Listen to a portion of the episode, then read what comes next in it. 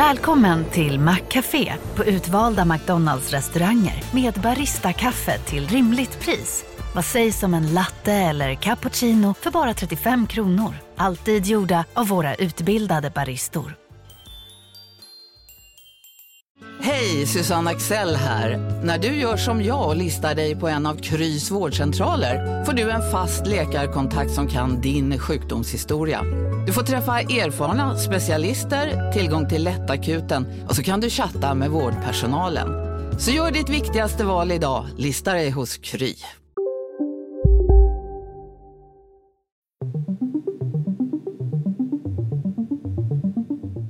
Av alla filterbubblor jag någonsin befunnit mig i så är nog kryptofilterbubblan den absolut tätaste. Jag har ett Twitterkonto som jag använder för att hänga med i kryptovärlden och jag kan inte komma på någonting jag skulle behöva bevaka för att få det flödet att skilja sig mer från mitt vanliga Twitterflöde. För kryptomedia, jo en sån finns, kan det vara en total självklarhet att rapportera om en likviditetspool för valutaswappar som en stor mainstream-innovation. Men att ens börja förklara vad en swap eller en pool eller ens likviditet är för mina kompisar, det skulle vara en rejäl uppförsbacke.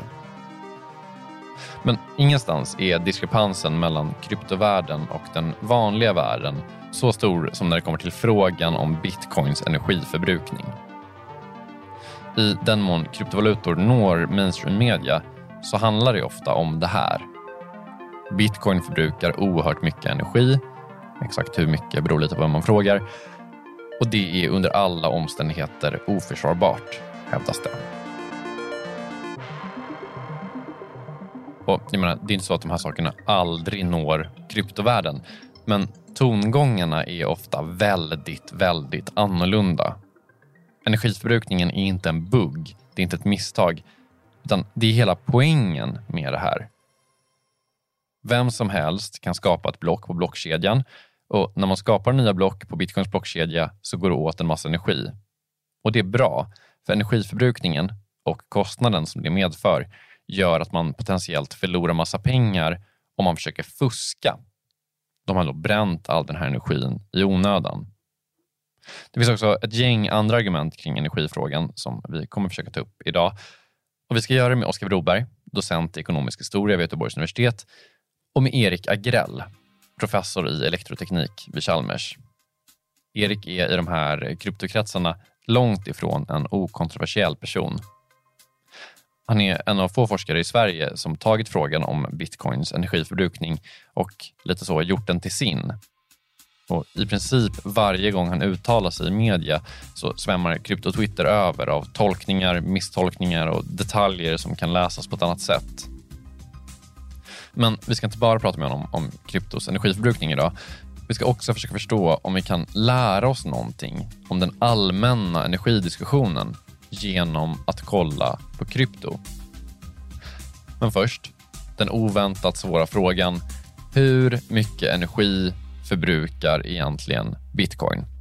Eh, skälen till att det inte finns några exakta siffror, dels är det forskningsmässigt en jättesvår fråga. För att det, det är liksom tvärdisciplinär frågeställning som innefattar elektroteknik, ekonomi, datavetenskap och ett par, tre andra vetenskaper. Men det stora problemet är att eh, det finns en viss, ett visst mått av hysch-hysch och företagshemligheter i den här branschen. De som driver bitcoinfabrikerna, eh, jag kallar dem fabriker och inte gruvor, de redovisar inte precis vad de har för energimix, vad de har för energiförbrukning, förluster och så vidare. Eh, så att det får man försöka räkna ut bakvägen. Är det inte också så att man kan säga att en, en aspekt av det är själva decentraliseringen i sig, att det här pågår på så väldigt många olika ställen? Jag tänker om man jämför med kanske eh, säga, vanliga datacenter, att vi ändå har ganska hyfsat bra koll på, okej okay, de ligger här och de är ganska stora och centraliserade och då blir det också lite lättare att tänka ja. hur mycket det går åt. Ja men absolut, det, det ligger ju i hela kryptoväsendet att det ska vara decentraliserat och i många fall vet man inte ens var anläggningarna finns. De har en anonym identitet på nätverket någonstans. Om man inte vet var de är så är det också lite svårare att gissa hur deras elräkningar ser ut. Just det. Men eh, om, om vi liksom eh, bara, om, om, man har missat vad det är som förbrukar energi. Eh, jag tror att bland de första eh, beskrivningarna jag fick höra om varför det förbrukar så otroligt mycket energi det här, eh, så är det då att det som en bank gör i, i det vanliga finansiella systemet, det vill säga bekräftar överföringar mellan olika parter. Det gör man då genom att man låter jättemånga datorer tävla om att lösa en jättesvår ekvation. typ. Och den som gör det snabbast får en belöning i bitcoin för det. Är det en okej okay beskrivning? Håller den beskrivningen? Det är en okej okay beskrivning, lite förenklad. Eh, det är ett vanligt missförstånd det här att det skulle vara en jättekomplicerad ekvation. Mm. Det är det inte. Nej. Det är en väldigt enkel beräkning, men den upprepas väldigt, väldigt många gånger. Man kan se det som ett, ett globalt lotteri. Du får själv gissa ditt lottnummer och det finns en enkel matematisk ekvation som säger om ditt lottnummer är vinnaren eller inte. Och om du då gissar på ett nummer så är det förmodligen inte vinnaren och då får du gissa på ett nytt nummer och sen upprepar du det miljarder gånger ända tills du hittar, eller någon annan hittar den vinnande lotten. Och då, men det man, den delen som ändå var rätt är att eh, energin är att hålla igång en dator, typ, eller en dataliknande. Liksom. Eh. En dataliknande burk. Från början var det datorer, man kunde liksom ta sin vanliga PC och sätta i ett speciellt skärmspararläge och lösa lite ekvationer och kanske vinna en, en bitcoin då och då. Eh, nu för tiden är det högspecialiserad elektronik som är tillverkad just för det här ändamålet och som inte kan lösa några andra beräkningar. Just det. Om vi återgår till den första frågan då, som är hur mycket förbrukar du då? Nu, har du sagt att det är jättesvårt ja. att veta, men går det att få liksom någon... Mellan tummen och pekfingret 100 terawattimmar per år. Och vad i hela fridens namn betyder det? Man kan sätta det i relation till hela Sveriges energiförbrukning som ligger på 130 någonting. 134 terawattimmar per år tror jag. Eh, och då räknar man in liksom allting i Sverige, industrier, transporter, hushåll och så vidare. Så att bitcoin är i samma storleksordning. Just det. det är väl ofta där man hamnar tycker jag, i de här jämförelserna med Finland brukar väl vara ett, ett land man eh, slänger sig med eh, när, man, när man pratar om bitcoin energiförbrukning. Och sen så kommer alltid några och säger så här, det är inte rimligt att jämföra med Finland. Men vi kanske kan återkomma till, till just den biten. Men man kan jämföra med annat också. Man kan, om man ser det som datacentra så kan man jämföra med datacentra som utför andra välkända och viktiga funktioner.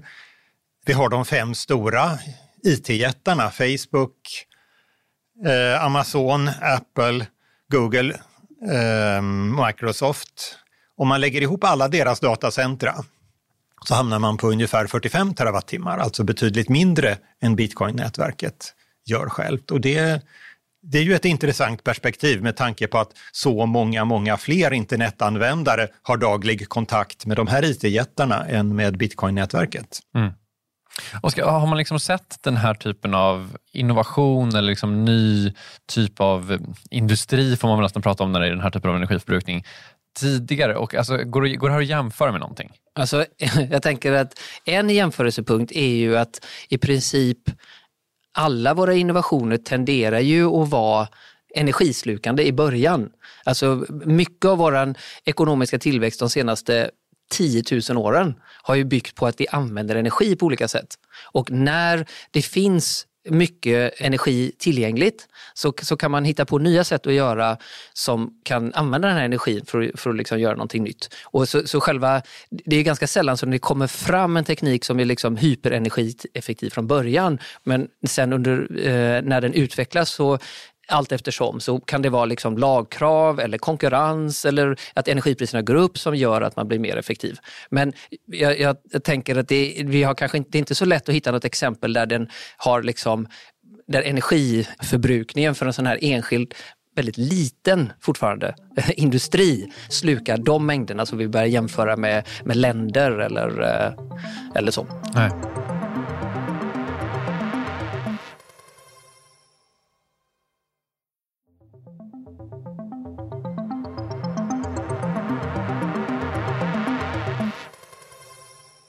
Eh, här, ett problem kan man kanske kalla det med att vara eh, journalist som bevakar krypto är att de flesta som eh, har någonting att säga om krypto är ofta antingen väldigt, mycket, väldigt negativa eller väldigt, väldigt, väldigt positiva till det. Men jag tänker att jag har liksom samlat ihop de vanligaste positiva argumenten eller vad ska man säga, kanske relativiseringarna av, av de här siffrorna. Så jag tänker att vi kan gå igenom dem tillsammans lite grann och bara se vad det är som brukar sägas och eh, hur, hur de argumenten står sig. En sån vanlig grej man säger är ju att bitcoin förbrukar i högre grad än andra industrier förbrukar grön energi. Går det ens att veta? Ja, men där får man olika svar beroende på vem man frågar. De siffror jag har sett varierar mellan 25 procent och 60 procent grön energi, så att det, det är inte nödvändigtvis en, en jättestor andel. Om det är på den högre delen av, av den liksom skalan, man ska säga, gör det att det här är lugnt då? Eller är det, att, eller är det inte lugnt? Grön el är en begränsad resurs. Så att om det dyker upp någon stor elkonsument som vill förbruka mycket grön energi och betalar för det, då blir det någon annan som får mindre grön el. Eh, I någon mening är det ett nollsummespel så länge vi inte har möjlighet att bygga ut vindkraft och solkraft och så vidare så mycket som marknaden skulle vilja. Det spelar relativt lite roll att just en enskild bitcoinfabrik skriver kontrakt på grön el, för då är det någon annan som får mindre och i slutändan täcker man upp det med fossil el. Just det, men så det som händer då, om man ska vara superkonkret, är då att en bitcoinfabrik signar ett grönt elavtal och då så kan inte en skofabrik 10 kilometer därifrån få grön el och då måste de ha fossil el där. Är det så du menar? Det är en bra sammanfattning, ja. Det finns väl, jag tänker att det finns, eh, ja, det finns många olika aspekter på det, men en när man pratar om, om grön el är ju också att det kan låta som att det enkelt går att definiera vad som är grön el eller vad som inte är grön el. Mm. Och, och, Det är klart att om man ser ett eh, kolkraftverk som spyr ut kol och sen så ser man solceller som ligger så känner man att ja, men de här eh, solcellerna de är ju, de är gröna och inte, inte kolkraftverken. Men om vi tittar på den globala energiproduktionen så finns det ju, det finns ju miljöproblem även med sånt som vi Eh, som vi kanske gärna vill tänka på som grön el. Så, att, så det finns, tänker jag, eh, flera dimensioner i det. Om man säger att men det är ingen fara för det här producerar vi med grön el. Okej, okay, men är det... Mm. Eh, du har, helt, du har helt rätt Oskar och det är också det som är en del av förklaringen till att de här siffrorna varierar från 25 till 60 procent som jag nämnde. Det beror på hur man hur man definierar grön. Men, men, det finns ju ett argument som vi snurrat vid lite grann som ju äh, handlar om då den här stora efterfrågan som finns på el och, och att, okej, säg att en bitcoinfabrik signar ett stort avtal på grön el. Kan inte det ha någon positiv effekt? Då? Kan man inte tänka, tänka så här, okej, men då eh, liksom skickar det en signal till marknaden att nu behöv, behövs det mycket grön el och att det här kan liksom snabba på en omställning? Jo, men visst är det så. Om det ökar efterfrågan på någonting, det kan ju liksom vara grön el eller skor eller vad som helst, så ökar produktionen också. Men de flesta marknader, inklusive elmarknaden, fungerar ju så att det blir en viss eftersläpning och en viss tröghet i systemet. Så att eh, om bitcoinfabrikerna skulle börja efterfråga mera grön el, okej, okay, i slutändan produceras det mer grön el, men inte så att det blir ett överskott till annan elintensiv verksamhet, utan bara så att det täcker upp en del av vad själva bitcoinfabrikerna behöver. Men för att jag tänker liksom, om man nu jämför med den här siffran och liksom Sveriges förbrukning, så tänker jag liksom, om hela Sverige, vilket kanske inte riktigt hela Sverige har nu, men, men det finns ju ändå en stor efterfrågan på grön el i Sverige, så någonting händer i marknaden. Alltså, det är ingen som bygger nya liksom, kolkraftverk i Sverige, tänker jag. Precis, och bitcoin ökar efterfrågan på grön el och då ökar produktionen också, det stämmer. Men bitcoinfabrikerna äter upp hela den vinsten och mer till. Mm. Så att det blir ändå inte mera grön el för resten av samhället. Och för de, de, de samhällsförändringar som vi står inför med elektrifiering av transporter och industri och så vidare. Tvärtom blir det ju ofta en, en konkurrens. Vi ser ju ofta hur vindkraftutbyggnad och så vidare fördröjs av miljöhänsyn och, och överklaganden och tillståndsprocesser och så vidare. Så att där finns en flaskhals. Det finns ju eh, en av de stora, stora politiska förhoppningarna i Sverige och Europa är det svenska hybridprojektet när vi ska producera fossilfri stål. Ja. Och jag tänker att det finns en, en jämförelsepunkt här som är ganska intressant. För att där är ju, den politiska visionen här är ju att vi ska rädda världen. Och eftersom stålindustrin i Sverige släpper ut så mycket så måste vi producera det fossilfritt. Och då eh, ser man det som ett, ett sätt att dessutom rädda Norrland. Och då vill man göra det genom att bygga ut jättemycket eh, vindkraftverk. Mm. På tal om att vad, vad är gränsen för eh, definitionen av, av grön el? Eh, och då kommer vi tillbaka lite till det här att ja, för det första så kan de här vindkraftverken, de har påverkan i sig. De ska vara jättestora och kräver vägar och, och jättemycket kopparkablar och massa annat sånt. Men det är också så att när vi väl bygger det här så sätter det, det säger egentligen ingenting om att eh, vår övriga produktion i Sverige skulle ställas om. Så, så, att bara för att vi då producerar och konsumerar grön el i en sektor så säger det väldigt lite om hur, det, snarast varför skulle vi konsumera mindre av den där fossila någon annanstans. Men kan man inte tänka sig att, eh, nu kanske jag går liksom för, kanske jag tänker för optimistiskt och för stort här, men liksom att så här, ja men okej, vi måste ha jättemycket vindkraft för att driva stålproduktionen i norra Sverige Alltså blir vi bättre på att göra vindkraftverk, alltså blir vi bättre på att installera vindkraftverk, alltså gör vi effektivare grejer, alltså kommer vi i framtiden ha mer vindkraft till andra saker också. Alltså kan man inte tänka sig någon sån? Teoretiskt, jag håller med Erik, att teoretiskt kan man tänka sig detta. Men om man ser hur det är så är ändå alla former av eh, energiproduktion tar antingen väldigt mycket eh, mark i anspråk Ehm, eller står på ställen där vi tycker att vi har massa mark, typ långt ute till havet. Och då kräver det jättemycket investeringar och därigenom också resurser och miljöpåverkan att, att eh, komma dit. E-, eller så kräver det någon form av väldigt koncentrerad typ kärnkraftverk eller fossila bränslen som, som har andra.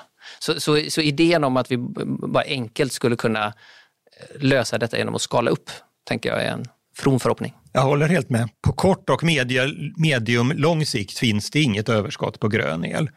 Eh, det är väl nog inte många som ser det i kristallkulan överhuvudtaget och det betyder att bitcoinfabrikerna får konkurrera på samma marknad som stålproduktionen och allt annat.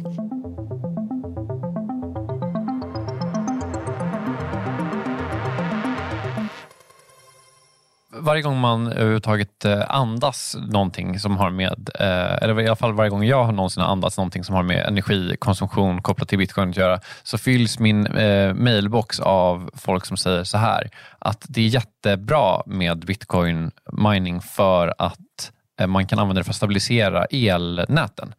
Du som kan väldigt mycket om el och energi, vad är det man menar ens? Alltså jag förstår inte varför, är våra elnät instabila eller vad är det som pågår? Eh, det är väl frekvensregleringen du tänker på där. Vi ska ha en väldigt stabil frekvens på 50 Hz i våra elnät och eh, om man eh, vid något tillfälle konsumerar väldigt mycket så tenderar frekvensen att gå ner och det är inte bra. Så att då behöver man i bästa fall jämna ut det där så att man inte har allt för stor plötslig variation i elförbrukningen. Vilket förutom frekvensen också har fördelen att jämna ut lasten på distributionsnätet. Alltså, kan man, finns det någon metafor här? Kan, kan man liksom tänka på det här som någonting? Är, är, är, liksom, är det en, en jämn ström och så får liksom inte eh, stuprören torka igen eller något? Liksom? Ja, men tänk dig en bil som kör i uppförsbacke på lite för hög växel. Då börjar motorn gå lite dåligt. Och det går ner i för lågt varvtal och tappar effektivitet. Man, man skulle kunna använda bitcoinfabriker för att reglera liksom, eh, frekvensen, eller? Eh, ja, man kan använda all elproduktion till att reglera frekvensen. Eh, förlåt, all elkonsumtion. Ja, elproduktion också förresten. Vattenkraften är den stora regulatorn för frekvens traditionellt. Eh, men sen kan man ju använda allt annat. Vi nämnde stålproduktionen. Eh, och genom att den håller på att elektrifieras så får elnätet en jättebra resurs för frekvensreglering. För den här stålproduktionen går inte direkt på el utan man använder elen för att utvinna vätgas ur vatten. Då går det åt jättemycket el. Mm. Och det kan man reglera på ganska kort tid så att man producerar mycket vätgas när det finns tillgång på el och man producerar lite mindre eh, när man behöver spara. Eh, och det kan man i princip skala upp hur mycket som helst, ja, så länge vi, har, vi ska skala upp den fossilfria elproduktionen. Teoretiskt kan man göra samma sak med bitcoinfabrikerna, men det där är lite, lite knepigt faktiskt. Du har rätt Gunnar i att eh, förespråkarna gärna framhåller det här som en möjlighet och det är sant att det är en teoretisk möjlighet, men det görs väldigt lite i praktiken idag. Och då kan man fråga sig varför? Jo, för att de som äger en bitcoinanläggning. Det ligger i deras intresse att köra anläggningen 24 timmar om dygnet oavbrutet, för de har lagt ganska mycket investeringar på den här specialiserade elektroniken och den har en ganska kort livslängd så det gäller att få ut så mycket beräkningar som möjligt eh, innan anläggningen blir omodern. Mm. Så att det behövs ganska mycket ekonomiska incitament för att de faktiskt ska delta aktivt i regleringen och stänga ner sin verksamhet när det skulle vara bra för elnätet.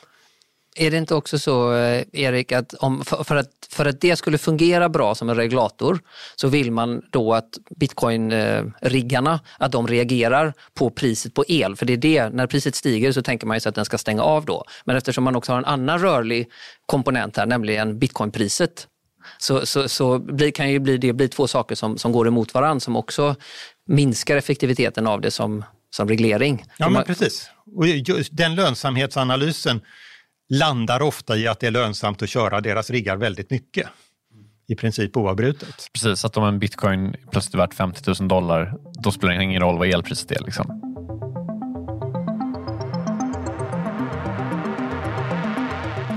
Eh, sista grejen då, eh, på eh, saker som eventuellt skulle kunna relativisera den, den stora elåtgången. Som handlar om att man kan använda vad ska man säga, liksom el som ändå skulle kunna gå till spillo. Ehm, om man inte vet hur ett elnät funkar, vilket jag måste erkänna att jag inte riktigt vet. Vad är el som skulle kunna gå... Alltså jag vet ju att el går inte att spara på något särskilt bra sätt. Liksom. Är, det, är det det man menar? Det jag har hört mest argumentation om i bitcoin-sammanhang är inte el som går till spillo, för det görs nästan aldrig, utan energi som går till spillo. Mm. Och då måste man skilja mellan energi i olika former. Termodynamiken lär oss att det finns energi av hög och låg kvalitet, där el är den mest högkvalitativa sorten och värme är en av de mest lågkvalitativa. Det betyder att det går väldigt lätt och smidigt att omvandla el till värme. Men inte tvärtom? Men inte tvärtom. Det är väldigt dyrt och blir stora förluster att göra tvärtom.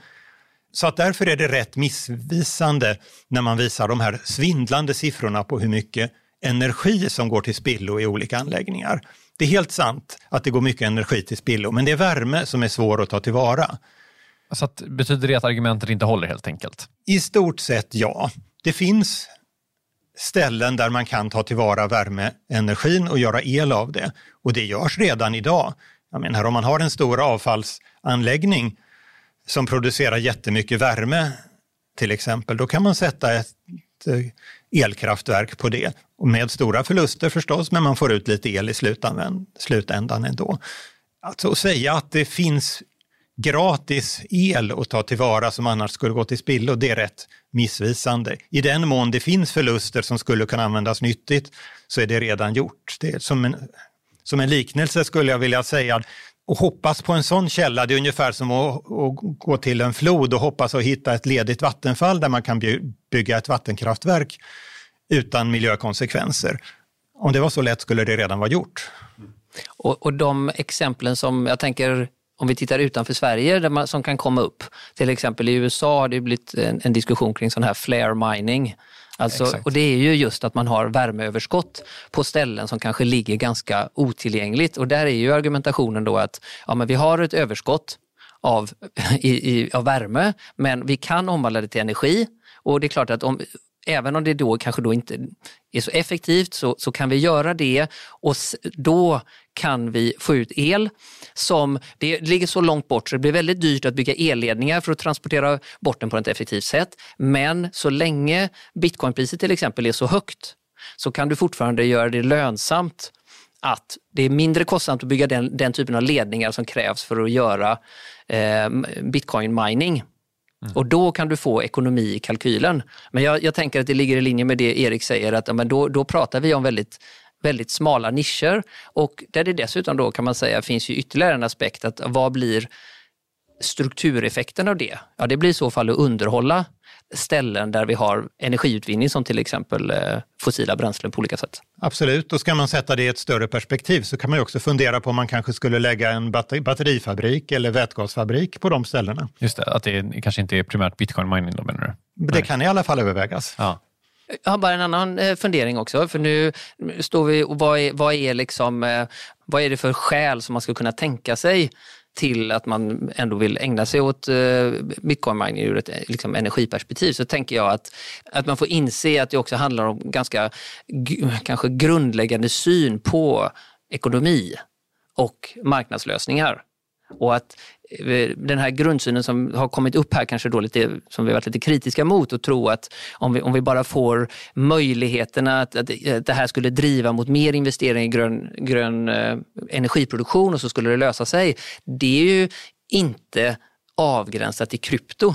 Nej. Utan det finns ju inom väldigt många områden idéer om att om vi bara liksom ökar incitamentet för att öka produktionen av, av det ena eller andra som vi kallar grönt så, så löser sig problemen. Och det tänker jag är en, är en viktig del av detta. Just det. Tänker du att det är, ändå är särskilt utmärkande för krypto i och med att det är en eh, ideologi eller vad man ska säga som i, i mångt och mycket bygger på pengar? Jag tänker att det är ett U. Många som är kritiska mot krypto är det för att de vill se krypto som något annat. Men om vi istället vågar se att ja, men krypto kanske är en ganska naturlig utväxt av mycket av det ekonomiska tänkandet som vi befinner oss i idag så kan man snarare se likheterna. Så, så krypto kan få oss att liksom, eh, se att ja, men det här är liksom marknadsdrömmen av hur vi ska röra oss mot det gröna, mm. gröna samhället som, som innebär mer produktion av, av det här. Och, och då kommer det där, det där dåliga försvinna trots att vi vet att mer produktion av det, även det vi kallar grönt inte är någon garanti för att vi skulle producera mindre av det vi inte kallar grönt. Tror du inte att vi redan har tillräckliga drivkrafter i samhället för att skynda på den gröna omställningen så mycket det bara går? Nej, det tror jag inte. Jag tror vi behöver eh, starkare eh, incitament för att det är uppenbart att vi inte... Vi, vi styr absolut mer investeringspengar mot, mot sånt som vi kallar grönt. Men om man bara tittar på hur mycket vi fortsätter att konsumera av sånt som inte är grönt eh, så, så, tror jag att det är ett, eh, ett större problem än att bara styra mot grönt.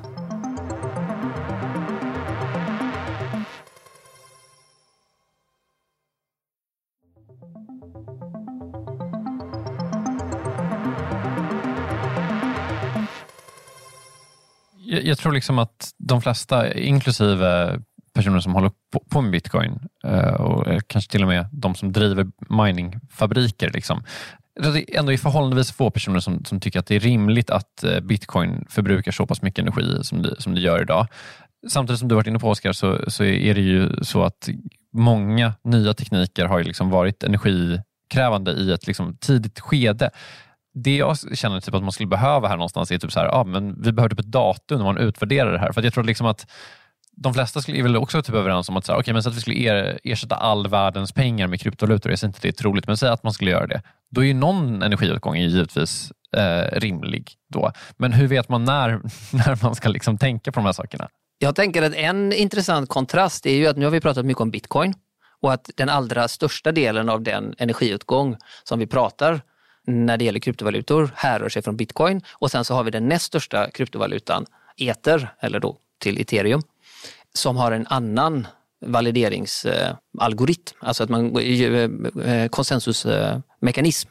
För, för att eh, eh, göra transaktionerna. Just det, och, den förbrukar vi... 99 procent mindre ungefär. Eh, precis, så ur det perspektivet blir det väldigt viktigt som, som du sa förut Erik, att, att hålla isär. Och, och nu har vi pratat om bitcoin, men om, om vi tror att det här med, med, med krypto kan innebära intressanta saker framöver så är det ju klart att det är viktigt att få med sig att vi, det, det är två helt olika typer av energidebatter. Bra synpunkt Oskar. Det är så lätt att man fastnar i extremerna. Den ena extremen är bitcoin, den andra extremen är de väldigt klassiska strukturerna med sedlar och bankkontor och så vidare. Och så ställer man dem mot varandra och så säger man att ja, men bitcoin har vissa fördelar. Man måste ju också titta på alla de andra alternativen och se, kan man få merparten av fördelarna som erbjuds av bitcoin med andra digitala lösningar? Till exempel Ether eller några av de andra 350 kryptovalutorna som bygger på så kallad proof of stake. Och ytterligare en kategori är ju de digitala valutorna som inte är kryptobaserade utan som garanteras av en centralbank eller myndighet eller stat. Eh, de uppfyller också många fördelar jämfört med de klassiska strukturerna utan att förbruka så förtvivlat mycket energi. Precis. Så det, det är ju liksom inte bara ja eller nej till bitcoin, utan man måste titta på alternativen också. Precis, men i något läge, så, i och med att bitcoin är den största kryptovalutan, så tänker jag att i något läge så måste det väl bli ja eller nej till, alltså så länge det är den största kryptovalutan så måste man i något läge förhålla sig till den, tänker jag. Så är det ju och det märker vi ju i, eh, i regleringsdiskussionerna nu nere i eh, Bryssel när man försöker ta fram ett ramverk för krypto. Då, då pratar man ju, den förordningen heter ju till och med Markets in Crypto Assets. Så då är det ju krypto man, kryptotillgångar man tar fasta på och då låter det ju som att det är en sak. Men när man kommer in på de här detaljerna som ändå blir väldigt viktiga, då är det ju det är som natt och dag att prata om eh, en del av bitcoin jämfört med en del av de andra. Men där tror jag det är också viktigt att få med sig att de som eh, förespråkar bitcoin och, och liksom försvarar den här stora energiutgången så finns det ju ett annat liksom också underliggande argument som handlar om decentralisering. Där, där det finns ju, och det, det med man kan liksom inte riktigt ta in energifrågan om man inte också ser att försvaret av det här innefattar liksom en slags världsbild där man ser att det finns så stora strukturella problem med dagens system. Så att de som förespråkar det menar ju att det som den här typen av, av validering står för något mycket mer att det inte ska vara regeringar eller centralbanker som man tycker är fulla av problem eller till och med korrupta som ska, som ska garantera pengarna, utan det ska vara den här tekniken. Som, och att det då genom den här tekniken att den här valideringen sker decentraliserat på alla de här anonyma datorerna. Så, och, och det är en sån stark argumentation. Mm. Eh, och det, tänker jag att det är nästan som att det inte spelar någon roll vilka siffror man har att göra med, för det är två olika världsbilder. Ja, eller mer än två som sagt, för att decentraliseringen uppfyller man ju med alla de andra kryptovalutorna också, inklusive de som har relativt sett eh, liten energiförbrukning.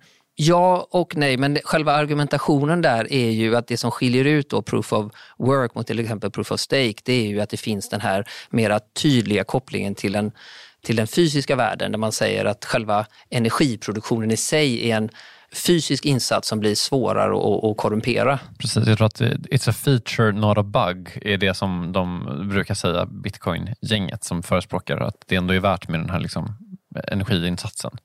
Det, det närmar sig ändå någonstans den så i vilket läge är det värt det frågan ju. Alltså för att de menar ju någonstans att det är värt det för att vi ersätter, som du liksom lite slängigt beskrev det, alla världens korrumperade centralbanker. Typ. Då kanske det är värt det. Liksom. Det kanske är värt det, men det, det förutsätter som sagt var att, att man också går in i det grundsättet att se världen. Det, det jag tänker att, och det är också ett av skälen till att jag tycker att krypto är, är fascinerande. Att, att det säger väl, det är ingen smal teknisk eller finansiell lösning utan det är, det är ett sätt att se på världen och på och vad som är värt och, och och marknadslösningar och annat sånt där. Och, och, och, det färgar också väldigt mycket då hur man ser på vad som är värt att lägga energi på.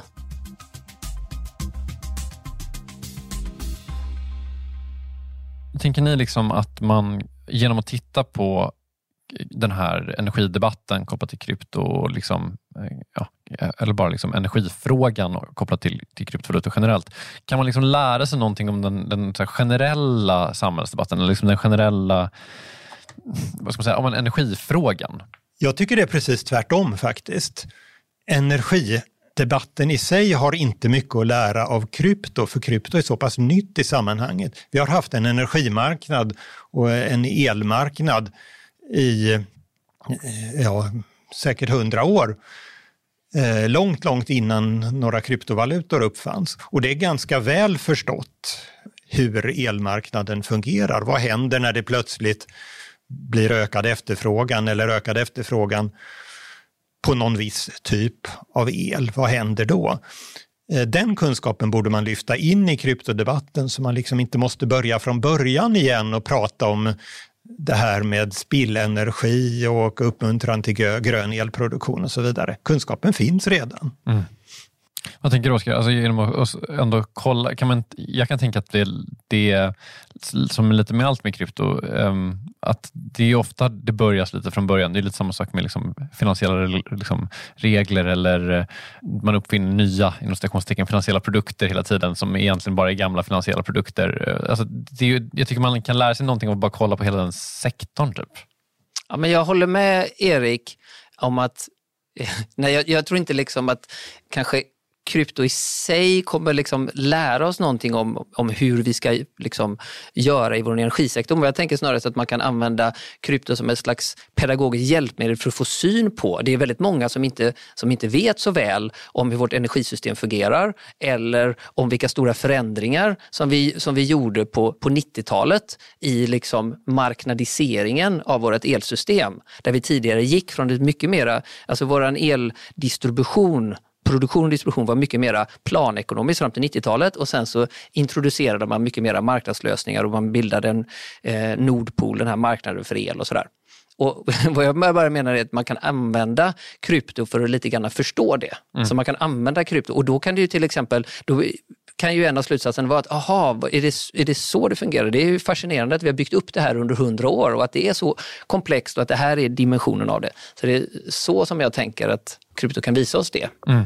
Men, men eh, en sak som ju jag tänker gör det här liksom extra svårt, liksom om man tänker om man skulle få bukt på det här, eller om man ska säga. det handlar ju om att det är inte så typ att Sverige bara kan gå in och reglera det här, utan alla länder måste göra det. Alltså det måste till någon slags FN-resolution känns det som nästan.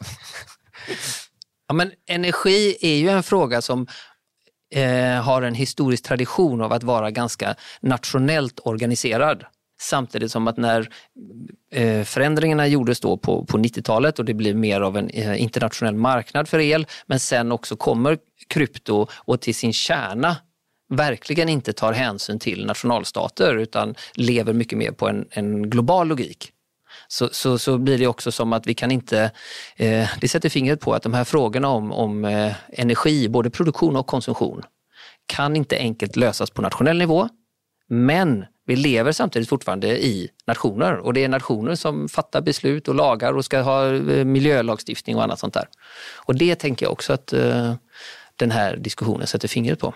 Att det, om det var svårt förr så är det ännu svårare nu på något sätt? Lite så. Ja, det där kopplar ju mycket till diskussionen om placeringen av bitcoinanläggningar. Ibland hör man argument för att vi måste lägga mycket bitcoinfabriker i Norrland för att där har vi god tillgång på el och vattenkraft och så vidare.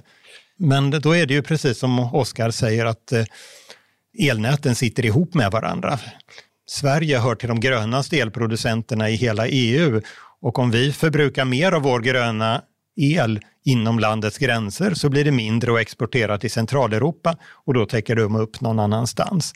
Så att det, då är vi tillbaka på det här nollsummespelet. Det spelar inte så stor roll var man placerar anläggningarna eller vilken typ av el man skriver kontrakt på, utan det som är viktigt för den gröna omställningen är att få ner el, elförbrukningen totalt sett.